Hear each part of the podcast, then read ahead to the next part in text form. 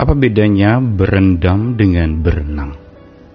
Kalau berendam, seseorang di dalam air dia mungkin bisa duduk saja atau di dalam air dia menikmati bagaimana air membuai tubuhnya, menikmati sejuknya air itu dan dia rasa tenang saat dia berendam di dalam air itu. Tapi dia tidak ke mana-mana, hanya berendam.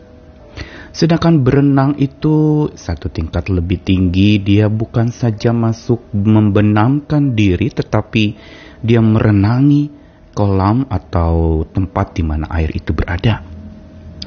Dan saat dia merenanginya, dia perlu tentu saja masuk ke dalam air itu, menggerakkan tubuhnya. Ada effort yang lebih tinggi untuk dia bisa terus berjuang sampai dia bisa menuju ke seberang berendam atau berenang.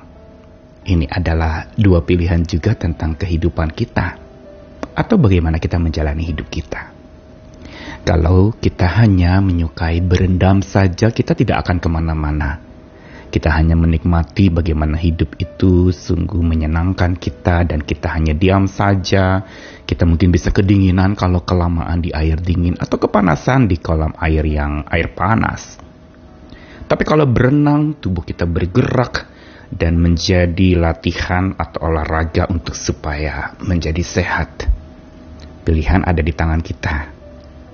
Berendam, terbenam di dalam kehidupan saja atau berenang mengerunginya sampai menuju ke seberang dan kita menjadi kuat dan sehat. Saya Nikolas Kurniawan menemani di dalam Sabda Tuhan hari ini dari kitab Yeskiel, nubuatan yang menarik tentang air yang mengalir keluar dari rumah Tuhan atau dari bait suci. Yeskiel 47 ayat 1 sampai 9 dan ayat yang ke-12 saya bacakan dari Alkitab versi bahasa Indonesia masa kini. Laki-laki itu membawa aku kembali ke pintu masuk rumah Tuhan Kulihat air mengalir dari bawah pintu itu ke arah timur seperti rumah Tuhan pun menghadap ke arah timur. Air itu mengalir dari bawah ambang pintu rumah Tuhan bagian selatan melalui sisi selatan dari mesbah. Kemudian laki-laki itu membawa aku keluar lewat gerbang utara dan menuntun aku ke gerbang timur. Sungai kecil itu mengalir dari sisi selatan gerbang itu. Sambil mengukur dengan tongkat pengukurnya, laki-laki itu membawa aku mengikuti arus sungai itu ke timur sejauh 500 meter. Lalu menyuruh aku menyeberang. Pada tempat itu airnya hanya setinggi mata kaki. Kemudian ia mengukur 500 meter lagi dan di situ airnya sampai ke lutut. Ia mengukur 500 meter lagi dan airnya mencapai pinggang. Sekali lagi ia mengukur sejauh 500 meter dan di situ airnya terlalu dalam untuk dilalui dengan berjalan kaki jika orang mau menyeberang, haruslah ia berenang.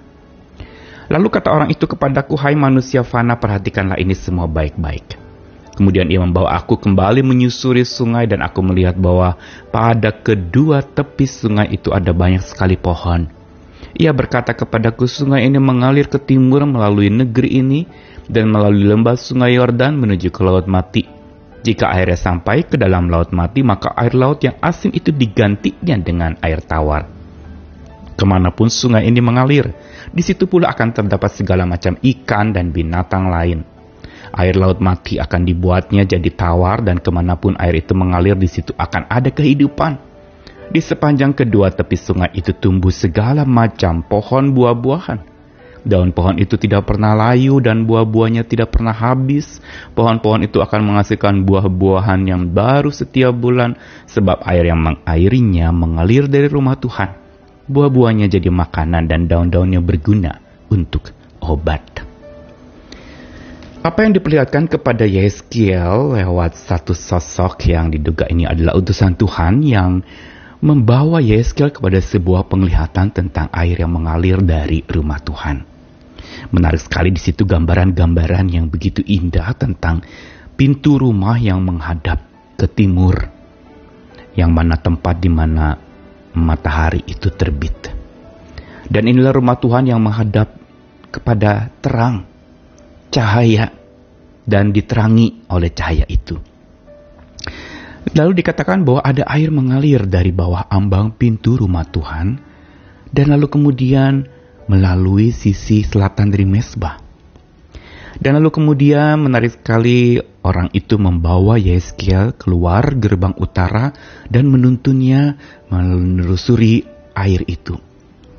Dan 500 meter pertama pada saat Yeskiel bersama dengan orang itu menyeberang, air yang hanya setinggi mata kaki berarti bisa dijalani saja.